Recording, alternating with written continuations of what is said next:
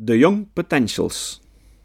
Naast de high potentials dwepen bedrijven nu ook volop met de young potentials.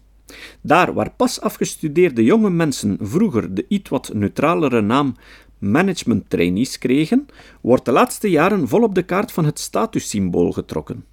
Zoals hier al is aangetoond, wordt individueel talent schromelijk overschat.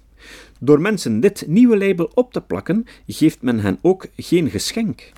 Jonge mensen moeten sowieso al opboksen tegen de oudere garde die hen als de vijand beschouwt. Hoe vaak hoort men niet zeggen: Wat denken die jonge universitairen wel? Dat ze alles weten.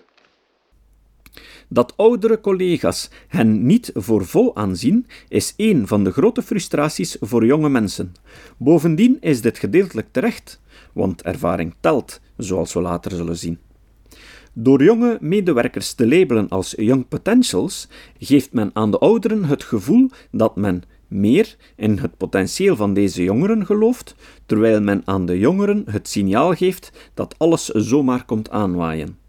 Je zou van minder naast je schoenen gaan lopen. Velen waren zich dan ook de kroonprinsen die voorbestemd zijn om in de CEO-zetel plaats te nemen.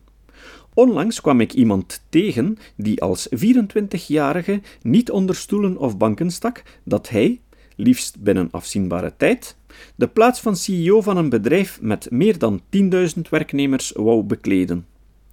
Ik kwam er in de loop van onze contacten, onder meer op basis van een 360-graden oefening, achter dat hij nog heel wat zou moeten doen aan zijn sociale intelligentie.